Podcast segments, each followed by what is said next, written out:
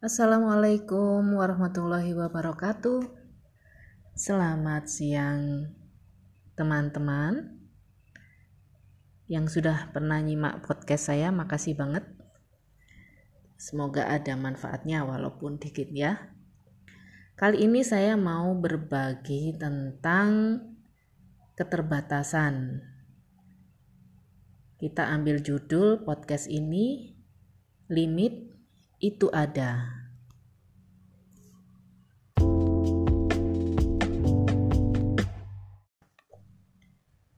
Sebenarnya ini dimulai pagi tadi saya memposting satu foto di Instagram dan kemudian saya bagikan di Facebook. Di foto itu saya bersama satu perempuan engineer itu namanya Mbak Cici. Saya kenalannya di saat penjurian Global Startup Weekend Women Surabaya. Nah, saat itu saya jadi organisernya yang menarik saat itu kenapa saya posting adalah di tengah-tengah kami ada banner bertuliskan no limit for women yang intinya tidak ada batas untuk perempuan uh, untuk bekerja apa pun yang mereka inginkan gitu. Satu konsep penting no limit yang tertulis di situ yang membuat saya dapat ide untuk mengungkapkan satu hal tentang limit atau keterbatasan dalam hidup kita. Kenapa itu menarik? Karena beberapa waktu ini saya mengalami hal yang akhirnya membuat saya memberikan saya kesimpulan bahwa limit itu ada. Ini saya bacakan caption saya di Instagram dan Facebook.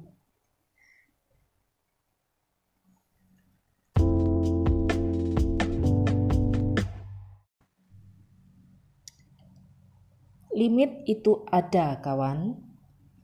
Kita sering dibombardir kalimat motivasi yang membakar jiwa kita tiada tara.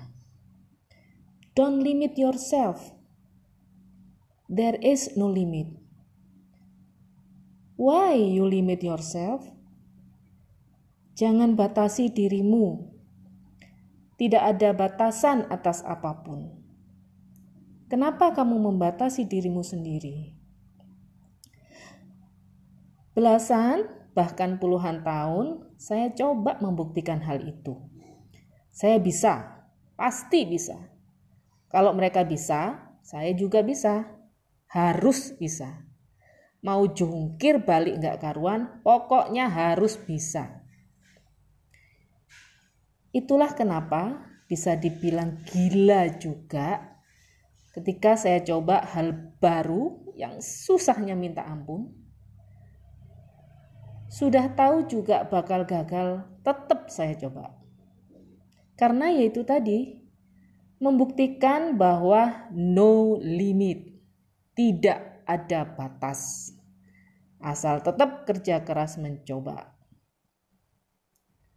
Tapi, berjalan usia, saat ini saya umurnya sudah 40 tahun something ya, lebih. Pola pikir mulai berubah Pengalaman gila mencoba hal baru sudah mencapai klimaksnya. Mulai berpikir logis dan realistis bahwa sebenarnya ada limit di antara kita. Seperti apa limit itu ada? Kenapa kita harus merelakan bahwa limit itu ada? Jadi, selama pengalaman saya sendiri, kadang-kadang menjadi perempuan itu kalau bicara limit rasanya nggak adil. Kalau perempuan sudah menikah harus dibatasi oleh mengurus anak, mengurus rumah tangga. Itu pun kalau misalnya anaknya sakit, limitnya ada lagi anak yang sakit. Kalau suami yang sakit, limitnya tambah lagi atau orang tua ataupun mertua begitu ya tapi itu adalah tugas di rumah tangga. Saya sempat mengalami bahwa harusnya limit ini tidak ada, harusnya bukan saya yang terbatasi.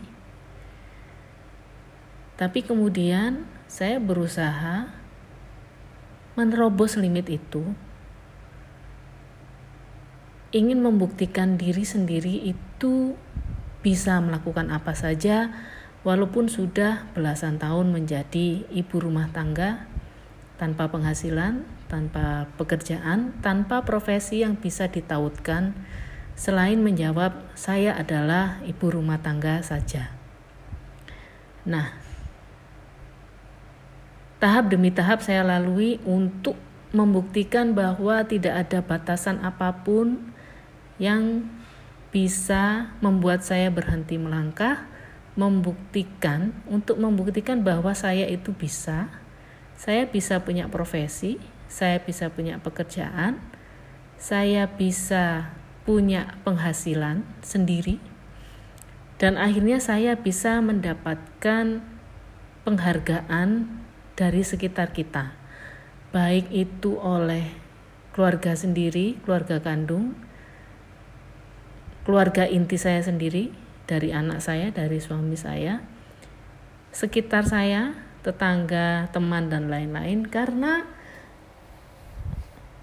keterbatasan membuat uh, kita merasa nggak bisa ngapa-ngapain itu memang melemahkan. Nah, pada saat itu saya sangat yakin bahwa harusnya tidak ada batas apa pun dan banyak jargon yang mengatakan semua orang pasti bisa asal mereka mau. Semua orang tidak bisa melakukan sesuatu itu karena tidak mau. Bukan karena batasannya, bukan karena dia tidak bisa. Jadi tidak bisa itu tidak ada dalam dunia ini. Yang diyakini itu tidak mau. Nah, beberapa tahun saya meyakini itu dan saya per, dan saya sebenarnya bisa disebut membuktikan bahwa kalau saya mau pasti saya bisa. Tapi dalam berjalannya waktu itu effortnya sangat besar. Dan semangat yang saya gaungkan ini bahwa kamu pasti bisa kamu pasti bisa itu kadang-kadang membuat orang bertarung dengan kehidupannya sendiri. Itu saya alami ketika saya sekarang harus menjadi Presiden Komunitas Coding Mom Indonesia atau Ketua Umum dari Komunitas Coding Mom seluruh Indonesia, saya harus e, memberikan semangat yang gak habis-habisnya bahwa kalian bisa loh, ibu-ibu meluangkan waktunya, e, terus bersemangat, terus maju, terus ini, terus itu, tiada habisnya itu adalah hal yang yang saya pilih saya gaungkan banget gitu ya ibu-ibu jangan berhenti jangan cuma di rumah aja masak dan lain-lain. Ketika anak tidur buka laptop sampai malam belajar coding bikin website dan lain-lain itu hal-hal yang saya lakukan dulu ketika belajar coding itu saya tularkan ke teman-teman. Uh, datang ke seminar tentang startup tentang programming dan lain-lain walaupun nggak ada hasilnya tetap datang itu. Tanpa saya pikir dalam saya itu motivasikan ke mereka. Akan tetapi pada suatu masa kemudian saya menghadapi partner sendiri di kepengurusan di Coding Mom itu yang mengalami uh, sama semangatnya dengan saya, dia lebih jago sebenarnya, jauh lebih jago kalau bisa maju uh, melangkah maksud saya dan dia harus berhenti karena suaminya sakit gitu. Dan suaminya sakit ini butuh perhatian yang sangat besar sangat amat besar. Saya tidak ngeh bahwa akan sebesar itu impactnya ke uh, anggota coding mom ini sampai dia memutuskan untuk sama sekali hilang di sosial media. Di Instagram tidak ada di Twitter tidak ada apalagi di Facebook ya jadi dia benar-benar memutuskan semua hal. Bahkan kalau saya kirim pesan di WhatsApp aja cukup lama baru dibalas. Dia bilang saya hanya bisa jawabnya malam. Kalau sudah istirahat mungkin ya. kemudian saya pikir sendiri kenapa harus sampai seperti itu apakah mungkin teman saya yang harus fokus mengurus suami ini merasa terbebani dengan ucapan-ucapan penyemangat yang saya lakukan di sosial media ataupun di grup Telegram yang kami uh, bentuk gitu. Dan saya berpikir lagi ternyata memotivasi orang itu tidak segampang itu gitu ya. Bahwa membuat orang terus bersemangat itu tidak harus memberikan energi pada dia agar bisa menembus atau keluar dari limitnya, dari batasnya. Nah, teman yang harus mengurus suami ini kan dia terbatas, dia tidak bisa keluar, dia tidak bisa beraktivitas, bahkan untuk berpikir pun dia terbatas karena waktu, energinya bahkan segalanya ya dari segi finansial dan macam-macam itu harus tercurah di situ. Saya pun mengalami hal yang sama beberapa tahun yang lalu ketika harus mengurus anak saya yang lahir prematur. Ber, beberapa tahun saya harus berkutat di ranah-ranah itu untuk menjaga anak saya agar tetap hidup, tetap sehat, dan uh, bisa tumbuh kembang menjadi anak yang seharusnya. Dan alhamdulillah anak saya sehat, gede, gede duhur atau tinggi besar sekarang ya. Tapi saya mengalami itu bahwa saya ada di uh, satu titik bahwa saya tidak punya, tidak boleh atau seharusnya hanya fokus untuk kesehatan anak saya. Udah titik. Saya tidak berpikir tentang mimpi saya tentang cita-cita saya dan lain sebagainya. Karena ketika saya terbuka dengan dunia luar misalnya melihat membandingkan orang di sosial media misalnya itu akan membuat down lagi aduh aku nggak bisa seperti ini harusnya aku bisa maju harusnya aku bisa uh, diundang menjadi trainer di situ harusnya saya menjadi uh, pembicara di seminar itu dan semua harus saya tolak karena saya harus mengurus anak, karena saya harus mengurus suami. Nah, hal-hal inilah yang saya akhirnya merenung, kemudian oh, limit itu ada, batas itu ada. Dan kalau kita terus-menerus uh, menentang limit itu, ingin keluar dari batas itu, itu akan sangat melelahkan. Dan seperti kita ingin terus-menerus menantang Tuhan gitu ya. Uh, dan kalau sudah kelelahan itu nanti akan marah kepada Tuhan. Itu yang saya, takutkan bahwa wah jangan-jangan saya akan memberikan uh, motivasi yang kurang bisa berdampak kurang baik gitu. Kalau tidak tepat penyampaiannya begitu. Nah selain itu saya juga mengalami beberapa kendala di salah satu uh, keadaan. Saya sudah berusaha keras untuk belajar, saya berusaha keras untuk fokus, saya berusaha keras untuk suka dan merasa hal ini adalah hal yang harus saya perjuangkan, tapi berkali-kali saya dibenturkan dengan keadaan tidak bisa. Kamu tidak bisa lagi, ini ada batas. Jadi seperti Tuhan itu, Gusti Allah itu memberitahu ke saya, Heni, ini kamu ada batasnya. Kemampuanmu ini seperti ini. Lingkaranmu di sini, karaktermu seperti ini itu yang bisa membatasi.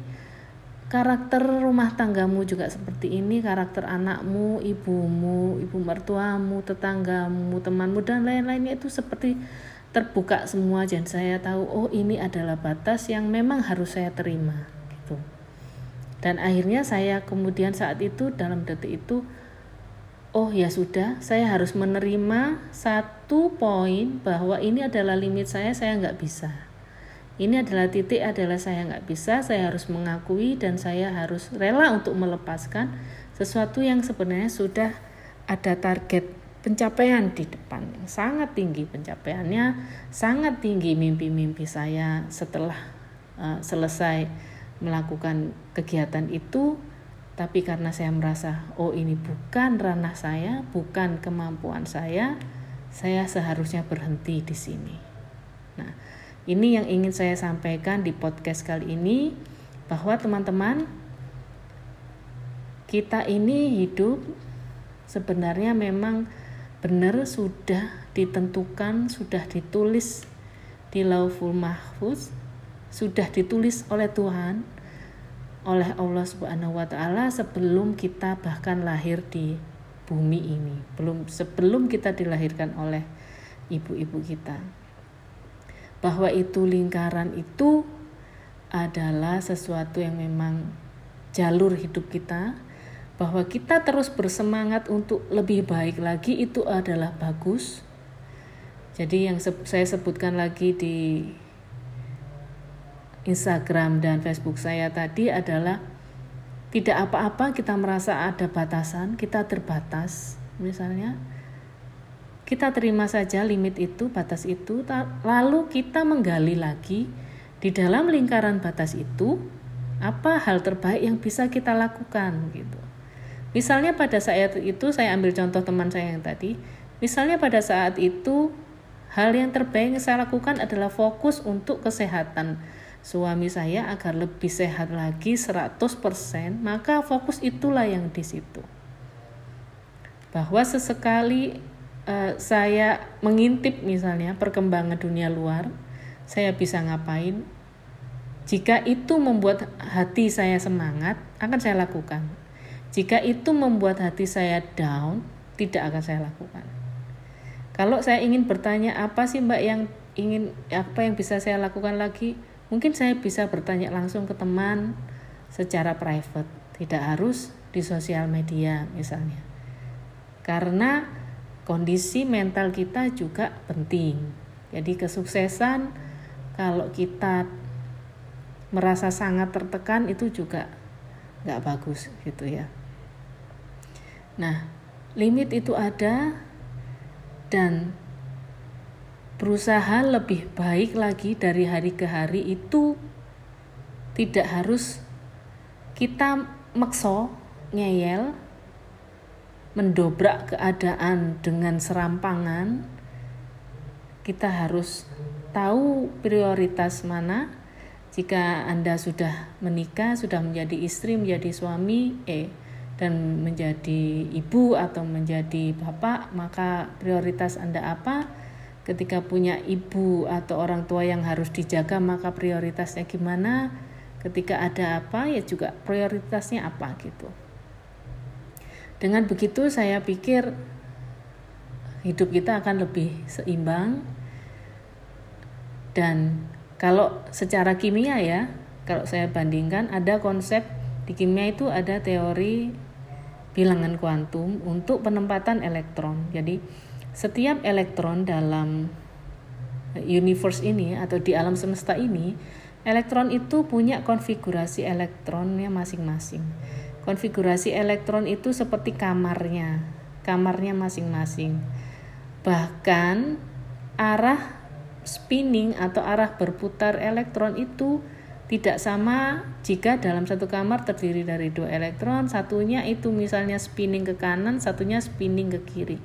Jadi satu elektron itu tidak mungkin kembar. Tidak mungkin kembar bilangan kuantumnya gitu.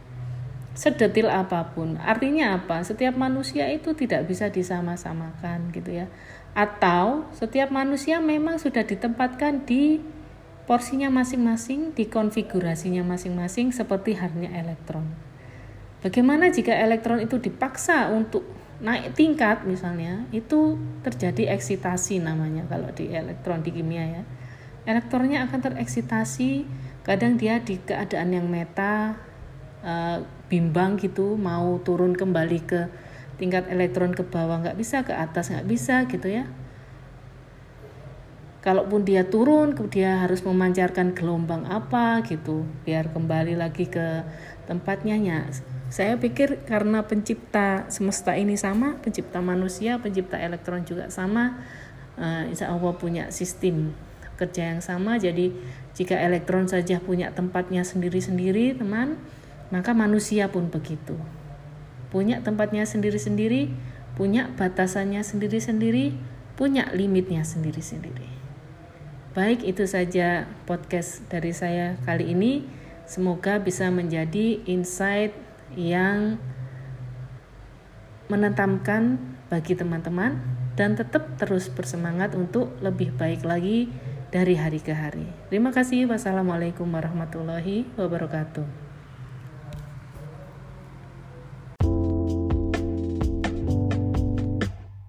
Oke, sekarang awalnya sambil direkam soalnya ini. Awalnya jadi perkenalan yang belum kenal. Yang belum kenal saya adalah ibu-ibu Bu Heni dari Surabaya, asli wong Surabaya. Uh, jadi uh, pengalaman saya itu ingin berbagi ke teman-teman, terutama ke ibu-ibu atau perempuan ya, perempuan Indonesia. Hmm, kalau ibunya yang dengerin nanti bisa cerita ke anak perempuannya ya, atau kalau guru-guru bisa cerita ke muridnya, ke murid muridnya yang perempuan atau laki-laki samalah. Jadi saya ingin, eh, saya ini adalah pengalaman bahwa kalau uh, perempuan itu sudah terutama di Indonesia ya biasanya jargon perempuan yang sudah menikah kemudian mengambil keputusan menjadi ibu rumah tangga itu akan kesulitan untuk mendapatkan akses apa pun. Entah itu akses untuk belajar entah itu akses untuk berkarya ataupun bekerja. Dan itu saya alami sendiri pada saat itu sekitar 2002 ya 2002 setelah 2001 2002 saya menjadi ibu melahirkan anak pertama. Kalau dihitung udah 18 tahun yang lalu. 18 tahun yang lalu itu sulit sekali e, mendapatkan akses karena harus lebih banyak di rumah banyak stay at home lah gitu. Kasus eh kasusnya keadaannya kan sama aja kayak sekarang ya. Kita sekarang demi mencegah penyebaran virus COVID-19 atau corona turunan yang terbaru mutan yang terbaru kita lebih baik untuk mencegahnya dan membuatnya berhenti ini kita kan di rumah ada lockdown ada stay at home ada work from home gitu Nah, karena kita di rumah, rasanya kan nggak bisa ngapa-ngapain gitu. Dan itu yang saya alami dulu. Dulu ketika teknologi sih tidak secanggih sekarang. Dan sekarang, dan akses internet itu sangat mahal kok. Kok akses internet. Punya handphone aja rasanya luar biasa hebat pada saat saya itu ya. Jadi benar-benar stay at home yang nggak bisa ngapa-ngapain.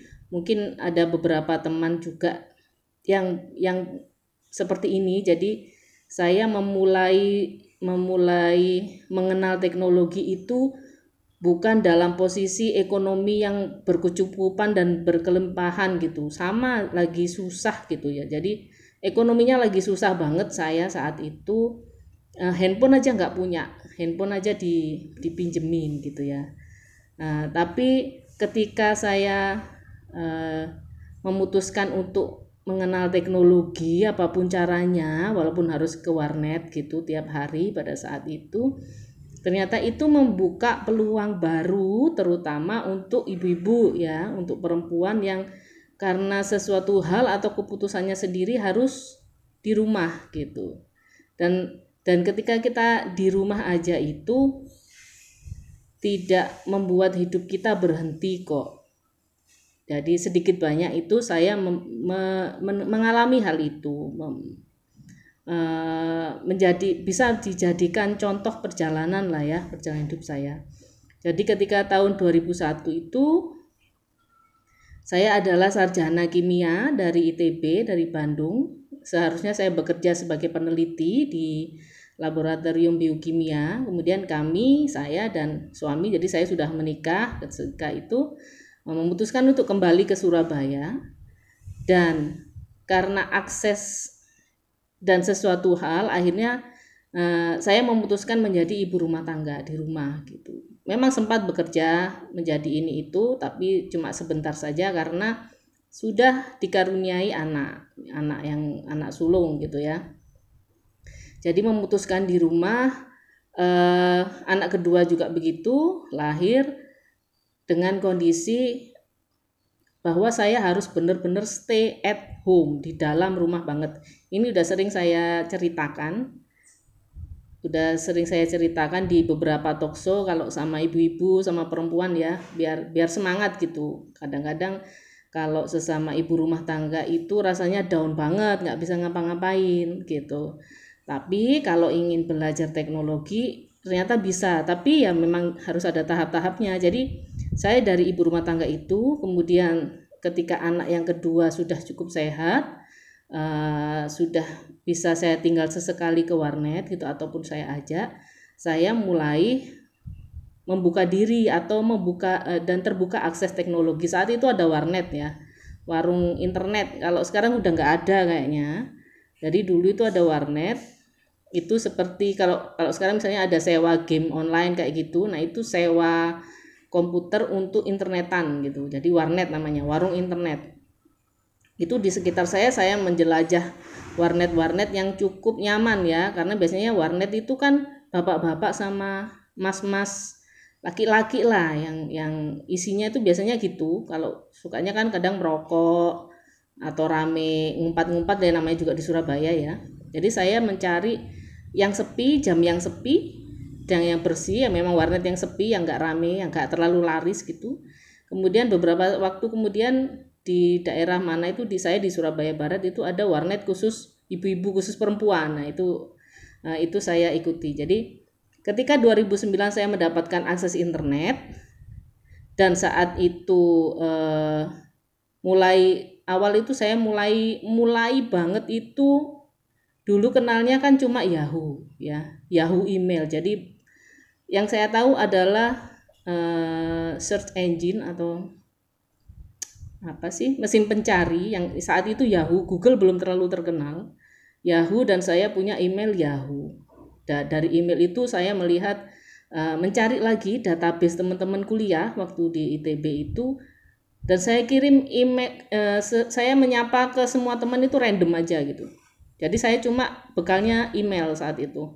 Dan nggak tahu apa-apa cuma uh, ketika membuka Yahoo searching atau saat itu cuma browsingnya itu tentang parenting. Karena saya sudah biasa kalau ibu-ibu muda anak-anaknya masih bayi-bayi balita itu kan sukanya parenting baca Montessori kayak gitu. Nah dan kemudian saya suka menulis juga saya mencari eh, apa yang tentang penulisan gitu browsing browsing aja nggak nggak nggak pakai di print nggak pakai ditaruh di flash disk. Browsing saya keluarnya juga nggak nggak sampai satu jam saat itu. Kemudian sama temen ada yang membalas di email kemudian mengatakan eh ada Facebook loh kita bisa bertemu di situ. Saya hanya dapat kata kunci Facebook gitu aja.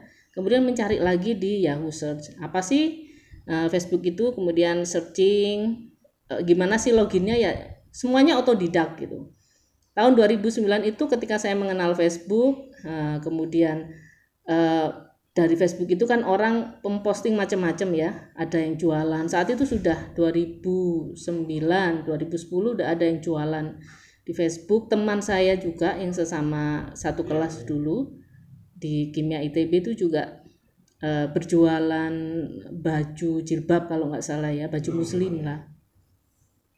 Gitu lalu saya uh, ada kondisi di mana saya harus e, mendapatkan penghasilan tambahan gitu. Dan jadi saat itu ketika jalan-jalan di pasar gitu saya sorry ada suara suami saya lagi kerja. E, jadi lagi di pasar kemudian ada orang jual kios koran gitu saya beli itu buletin pengusaha buletin pengusaha. Di buletin pengusaha itu saya dapat uh, membaca artikel moncernya bisnis jilbab gitu. Oke, jadi saat itu sama sekali nggak punya modal sebenarnya saya modal minjem gadget nggak punya HP nggak punya internet nggak punya punya komputer tapi rusak komputer yang jadul yang monitornya gendut itu jadi semuanya saya pinjam karena saya harus berbuat sesuatu gitu. Kemudian saya bertanya ke teman dari Facebook itu gimana sih jualan di Facebook? Terus dia bilang intinya kamu harus start sekarang gitu. Jadi jualan itu jangan sampai modal awal kalau minjem itu untuk beli misalnya saya ya karena pengen jualan online kamu beli laptop atau kamu beli HP jangan. Tapi minjem itu untuk beli jilbabnya untuk dijual. Yang lain-lainnya usahakan sendiri gitu. Jadi saya usahakan itu saya uh, memproduksi jilbab. Kebetulan di ibu mertua saya desa desanya itu banyak pengrajin. Jadi jilbabnya saat itu lagi moncernya jilbab Paris. Jilbab Parisnya saya macam-macamin mulai saya bordir di neci payet gitu ya uh, dilukis macam-macam itu. Kemudian nih saya coba jual secara online di Facebook dan uh, iklan baris apa pun yang saya cari itu karena otodidak jadi modalnya adalah search engine atau mesin pencari yang saat itu Yahoo, kemudian akhirnya Google yang berkembang. Google berkembang akhirnya tahun 2009 saya jualan online dengan segala nggak punya ilmu apa pun. Eh, kelebihan saya adalah saya suka menulis dan rajin, rajin update walaupun tiap hari harus ke warnet sama anak saya yang kecil, yang kedua yang kecil tiap hari ke warnet gitu.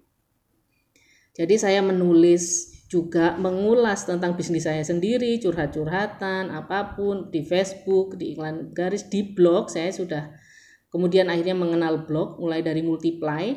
Multiply itu dulu saya pakai jualan sampai saya ditulis saya tulis di kartu nama jualan itu sekarang udah hilang, multiply hilang. Kemudian mengenal blogspot dan WordPress. Nah, yang paling bertahan adalah blogspot sampai sekarang. Jaya jualan itu akhirnya tahun 2012 eh 2013 nah, tahun 2013 tiga tahun kemudian ke, sudah mulai dikenal. Selama tiga tahun itu sudah saya menerima omset yang lumayan dari seluruh Indonesia bayangkan.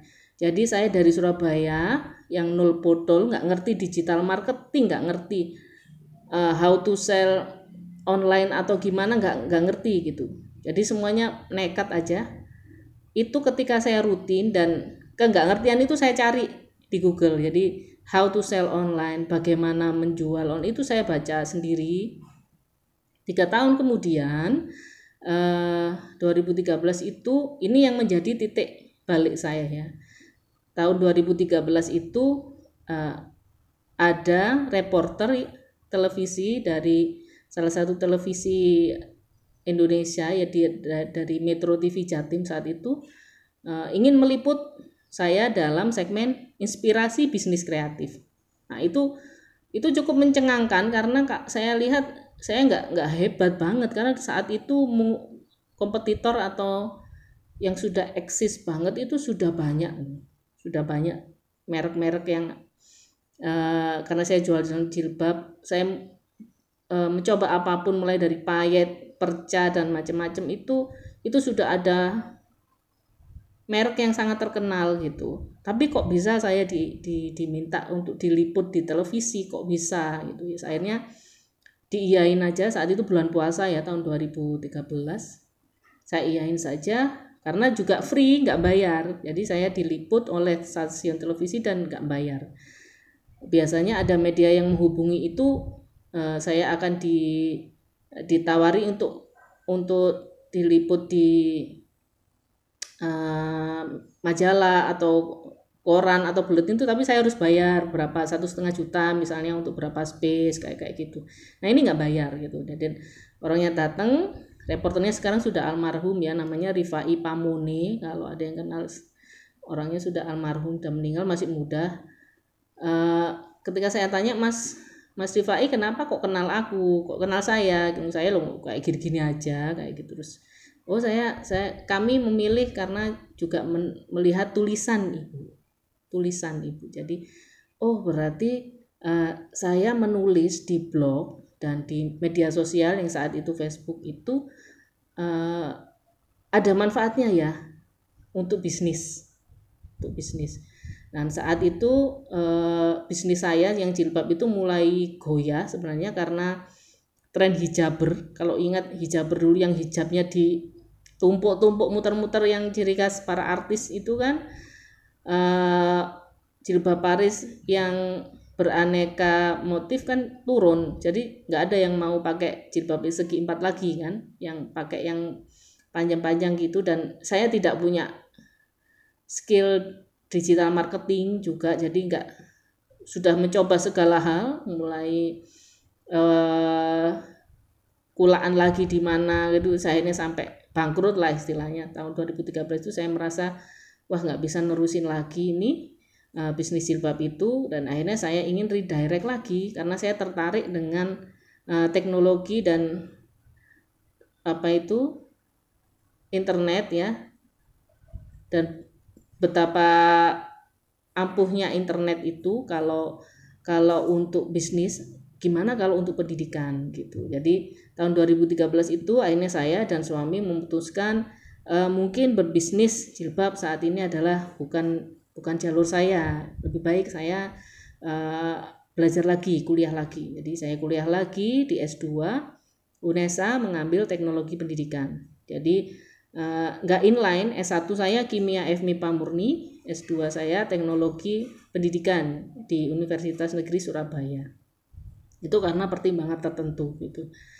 Dan dari situlah titik balik yang saya rasakan itu benar-benar terbukti bahwa kalau internet itu manjur untuk berjualan, untuk bisnis, orang yang dari nol aja bisa, gimana kalau internet ini dan teknologi ini dimanfaatkan untuk pendidikan gitu? Karena saya memang orangnya suka belajar ya suka belajar suka ngajar gitu. Nah dari situlah akhirnya eh, apa itu keinginan saya untuk mengotak-atik tentang e-learning tentang digital learning itu saya lakukan juga selama kuliah S2 jadi selama S2 itu dua tahun itu setiap eh, apa namanya topik atau tugas topik atau tugas dari dosen itu saya ambil topiknya tetap e-learning dan digital learning itu dan di tesis saya akhirnya ambil yang blended learning karena menilai akses internet di Indonesia atau di Surabaya itu belum banyak gitu ya. Jadi harus kombinasi tatap muka dan uh, online learning jadinya blended learning gitu tahun 2013 saya kuliah lagi S2 tahun 2015 saya lulus dan setelah saya bisa lulus alhamdulillah bisa cum dengan segala kesulitan yang ada saat itu. Nah, itu menunjukkan bahwa ibu rumah tangga itu dan saya tetap ibu rumah tangga ketika saya kuliah itu. Kenapa? Makanya sampai tahun 2013 itu saya eh, ada jargon ibu rumah tangga digital itu karena tahun 2013 masuk kuliah pertama itu kan pada kenalan. Dosen-dosen ini kan pada kenalan kan. Terus ditanya namanya sekolah di UNESA kan yang dulu IKIP itu kan ya pasti mahasiswanya kalau nggak guru kan dosen. Kan nanya nanti e, ibu siapa ngajar di mana dosennya gitu. Satunya teman saya bapak ngajar di mana. Nah saya kan ibu rumah tangga ngajar di mana gitu. Terus saya aku kenalan sebagai apa ya? Maksud aku sebagai penjual toko penjual jilbab online. Hubungannya aku kuliah S2 uh, eh, teknologi pendidikan gitu. Kemudian apa? Saya pikir-pikir gitu sebelum jawab akhirnya udahlah nyebut sebagai ibu rumah tangga digital aja gitu. Jadi saya kenalan oh iya saya ibu rumah tangga digital gitu. Terus teman-teman sudah ketawa. Uh ibu rumah tangga digital. Nah jadi ibu rumah tangga digital itu satu jargon yang muncul uh, ketika saya di kelas S2 saat itu. Nah Eh, menjadi ibu rumah tangga yang kemudian lulus S2 walaupun bisa cum laude ternyata tidak mudah mendapatkan kepercayaan publik untuk menerima saya bekerja di lembaga yang formal. Dan itu bagi saya akhirnya wajar-wajar saja karena background sebagai ibu rumah tangga sebelumnya itu kan lama banget saya. Jadi 2001 lulus S1 2013 sekolah S2 itu kan 12 tahun gitu. 12 tahun ngapain aja mbak? Di rumah iya kan? Kalau ada teman-teman yang melihat di beberapa saya suka nonton drama Korea ya yang melihat drama Korea itu kan sehebat-hebatnya kamu kalau jeda menjadi ibu rumah tangga itu sangat lama itu untuk kembali ke dunia kerja atau dunia industri kan susah mendapatkan kepercayaan lagi. Saat itu saya ya saat itu saya, saya me, me, apa namanya menyadari hal itu. Oh berarti eh, kemampuan saya tidak bis belum terbukti tidak bisa dibuktikan juga dan pasti akan jadi lingkaran yang bulat-bulat bulat saja atau lingkaran yang nggak berhenti kalau kalau kita marah ya kepada keadaan. Gimana aku buktikan skillku kalau aku nggak diterima kerja? Kayak gitu kan. Sementara ya orang mau terima kerja lah mana pengalamanmu buktinya? Kayak gitu. Jadi akhirnya saya putuskan untuk menciptakan sendiri portofolio itu menciptakan sendiri lapangan kerja untuk diri saya sendiri dengan apa yang sudah ada di depan mata saya saat itu. Kebetulan tahun 2015 setelah lulus saya uh, ikut workshop blogger. Jadi saya ngeblog sejak 2009 tapi itu hanya menuliskan curhatan saja dan cerita. Nah, ketika tahun 2015 itu ada workshop fun blogging namanya yang isi narasumbernya tiga blogger dari Jakarta Mbak Sintaris, Mbak Ani Berta, sama Mbak Haya Alia Zaki. Makasih ya tiga suhu blogger ini.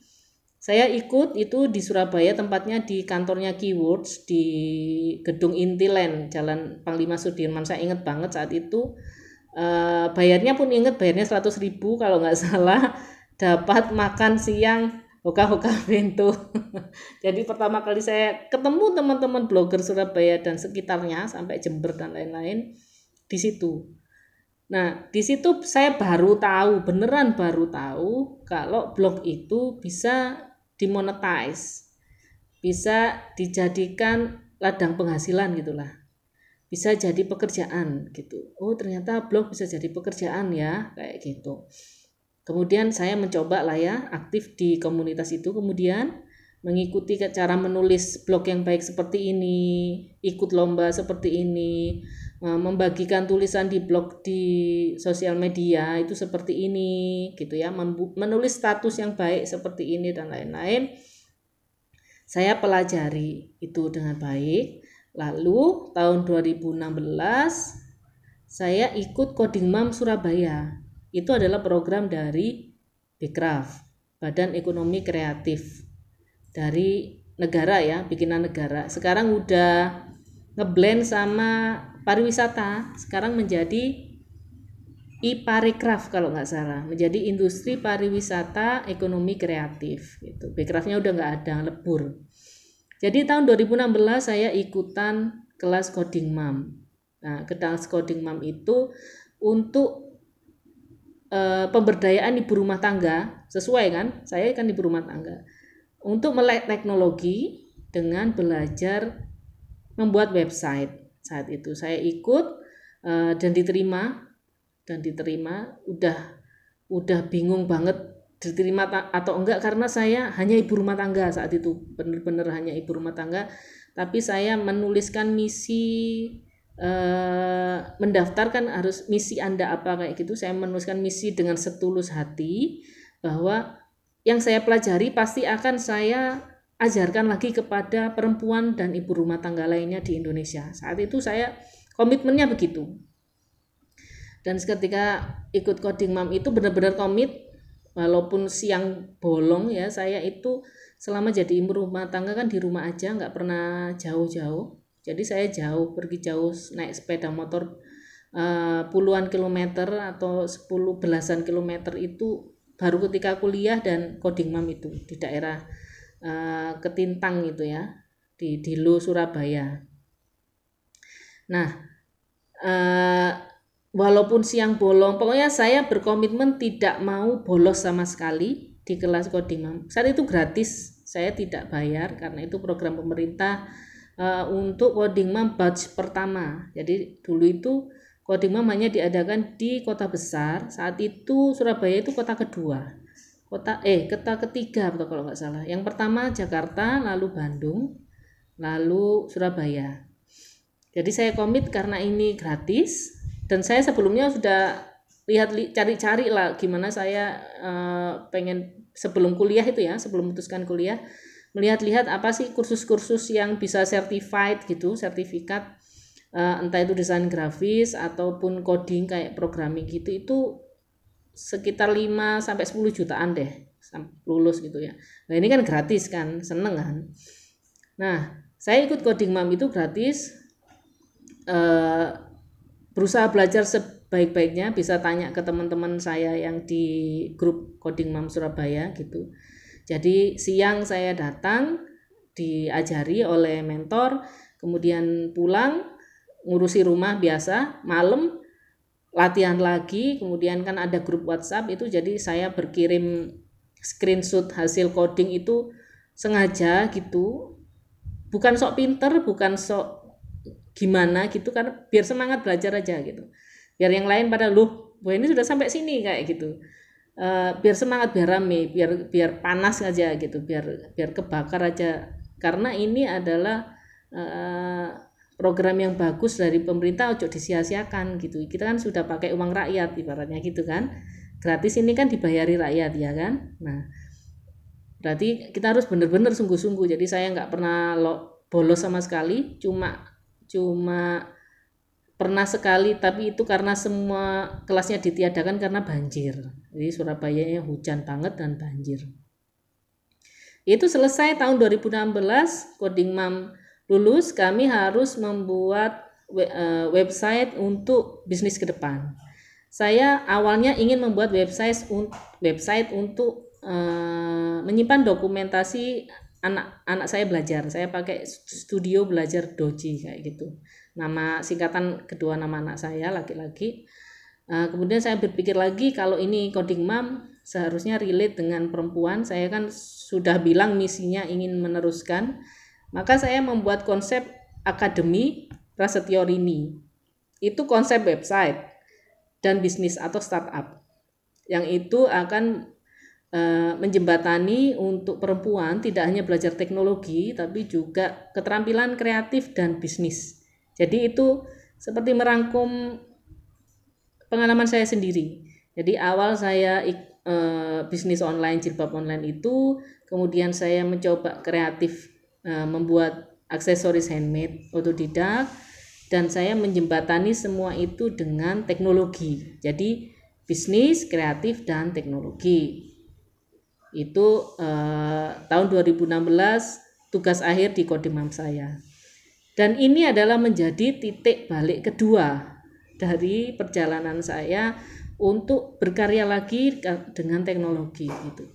Nah, ketika tahun 2015 saya sudah tahu bahwa blog bisa diseriusi, bisa jadi pekerjaan, uh, blogger bisa jadi profesi, maka PR kedua kalau teman-teman atau ibu-ibu adik-adik ya, kalau ingin uh, bekerja di dunia digital harus nggak nggak cuma dunia digital sih di apa pun lah. Kita harus punya uh, personal branding gitu atau jati diri khusus gitu. Ciri khas khusus lah atau brand brand diferensiasi yang menjadi pembeda itu apa gitu. Saya coba ulik sendiri saya dulu jualan online apakah saya mampreneur gitu? Oh kayaknya nggak nggak nggak gitu-gitu banget karena saya eh, dihajar trendingnya hijaber aja saya sudah bangkrut kok. Saya nggak nggak pengen jualan lagi tuh. Sayanya nggak nggak mampreneur banget gitu. Apakah saya teacher gitu? Oh nggak juga. Oh ini saya ambil. Oh saya kan ibu-ibu yang mau belajar lagi di coding mom. Ikutan coding mom itu kan kalau orang tem karena ngapain sih ibu-ibu susah payah gitu kan?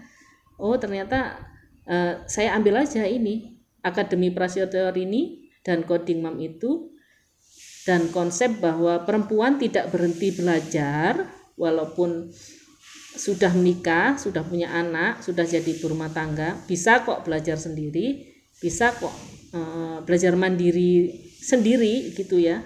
Gak males kok ibu-ibu itu. Perempuan tuh gak males mikir kok walaupun repot di rumah gitu gak gak gak males mikir mau sebenarnya bisa kok gitu. Asal bisa. Eh asal mau gitu.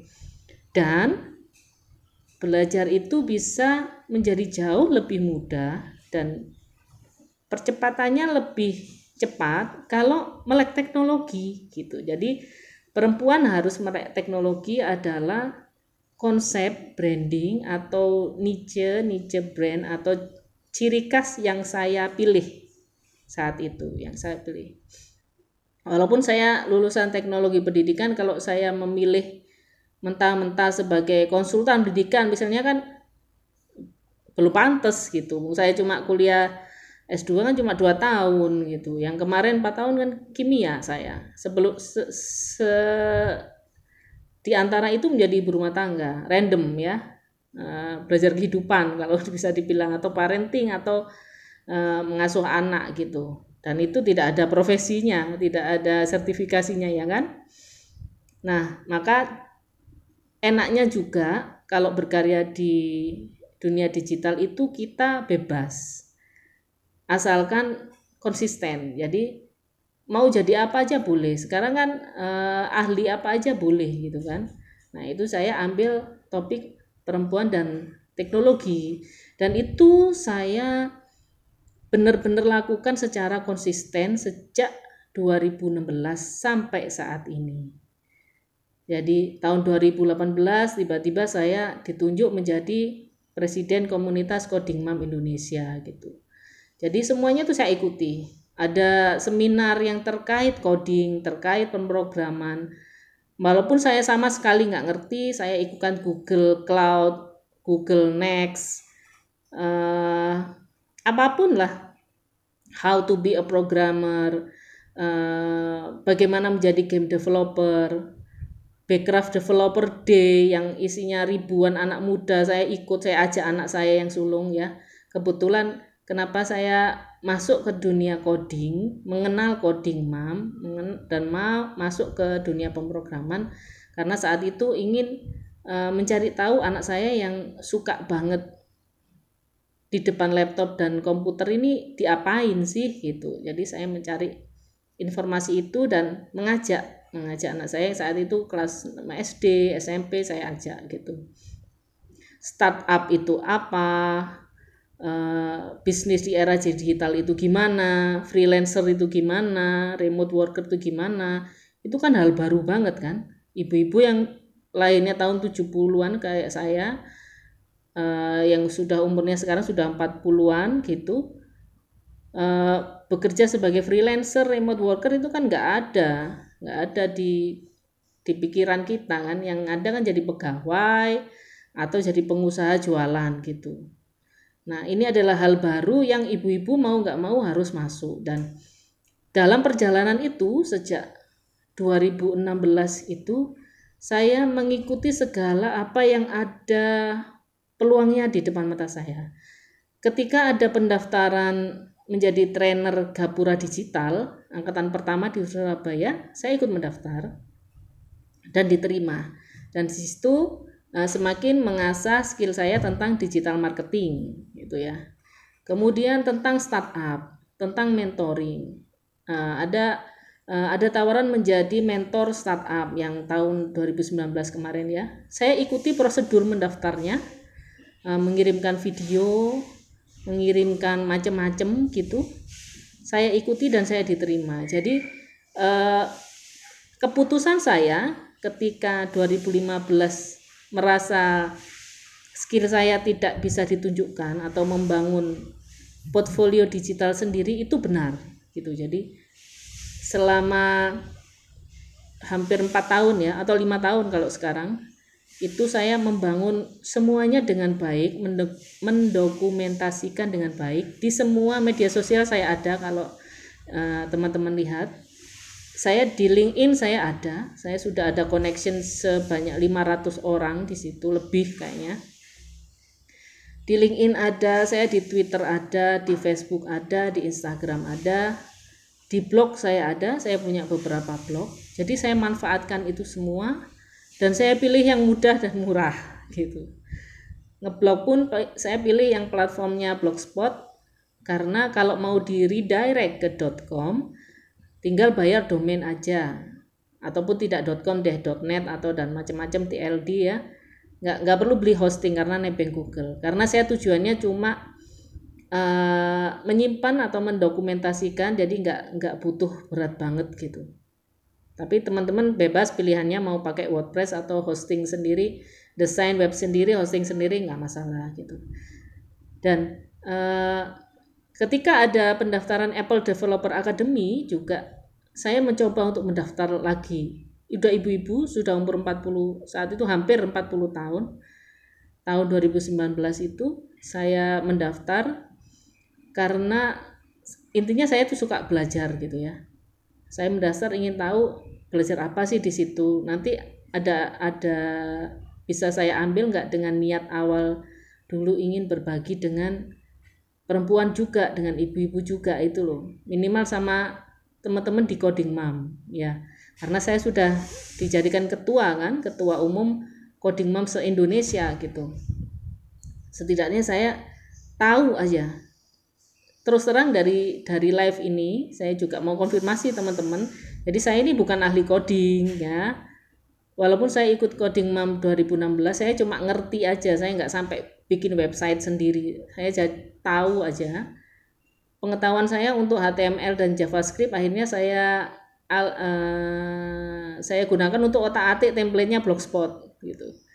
Karena bikin website sendiri itu sangat menarik tapi sangat menyita waktu, ya kan? Dan pekerjaan utama saya sebenarnya itu menulis lebih banyak menulis. Saya berat pekerjaan menulis buku, menulis konten website gitu, dan beberapa hal lainnya gitu. Uh, atau ikut lomba di blog dan macam-macam. Jadi lebih banyak menulis sebenarnya pekerjaannya. Jadi kalau saya ngoding waktu untuk menulisnya berkurang. Dan sekarang saya tidak hanya menulis, saya membuat kelas dan membuat startup uh, yang saya sebenarnya idenya sejak lulus S2 yang kelasku digital itu. Dan sekarang saya teruskan lagi kelas bisa dibuka di kelaskudigital.com. Sebenarnya ingin menjadi partner untuk guru, untuk pengajar teman-teman Eh, bahwa di dunia digital yang praktisi, teman-teman kita yang praktisi, terutama di ekonomi kreatif dan digital kreatif itu begini loh, misalnya karakternya anak-anak yang generasi sekarang itu seperti ini loh. Makanya kita di sekolahan harusnya kayak gimana gitu. Apakah apakah harus kaku dikit-dikit pakai Edmodo kayak kayak gitu ataukah Eh, sesuai yang mereka sukai aja gitu jadi itu yang ingin saya bagi terus eh, ada loh pekerjaan baru saat ini kalau anak-anak punya skill gitu jadi uh, saya ingin menjembatani sebagai praktisi yang tahu industri digital ekonomi kreatif dengan teman-teman yang di pendidikan. Jadi saya di kelasku digital itu niatnya seperti itu.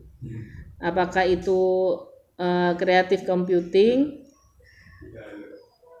atau uh, sekarang kalau lihat-lihat saya bikin program ayo bermain coding untuk anak kecil-kecil nah itu juga ingin mengenalkan uh, program yang leb gini jadi saya selama ini ikutan komunitasnya programmer itu kayaknya sulit banget gitu kaku banget nggak tersentuh gitu. Padahal di luar negeri atau di mana pun tuh sudah disebutkan everybody can code gitu semua orang itu bisa ngoding kok gitu. Eh, nggak uh, nggak semengirikan itu kayaknya kalau kita sudah kenal dengan bahasa yang sehari-hari biasa-biasa aja apalagi nanti anak-anak dengan bermain gitu ya untungnya banyak platform yang sudah bikin seperti Scratch gitu ya jadi Uh, saya tampilkan program itu bukan karena saya sudah jagoan. Jadi teman-teman yang sering nama, nanya gimana cara bikin apps sambil rebahan, ya nggak bisa sulap tuh. Memang banyak yang drag and drop sekarang ya silakan coba-coba aja. Entah itu wix.com kayak apa kayak kalau tinggal tarik-tarik pakai HP-nya sendiri-sendiri, coba aja explore aja. Eh, coba-coba uh, aja semuanya itu gampang kalau di digital ya. Eh, kalau saya ditanyai langsung menjawab tentu saja tidak bisa sulap, tapi saya tahu kalau misalnya teman-teman bertanya dan saya harus bertanya lagi ke siapa itu saya sudah uh, sudah kenal gitu ahli-ahlinya ini gimana gitu ya. Oke itu sekarang sudah ada duhur sudah duhur 11.34 itu perkenalan kita awal ya terima kasih teman-teman yang sudah hadir uh, di live uh, Facebook dan juga Instagram. Saya coba nanti mungkin nanti di Instagram aja kali ya sama di saya simpan di podcast. Terima kasih kalau pengen uh, nanya lagi. Tadi ada yang nanya apa tah? Pengen bikin aplikasi edukasi mbak buat yang mager kayak saya.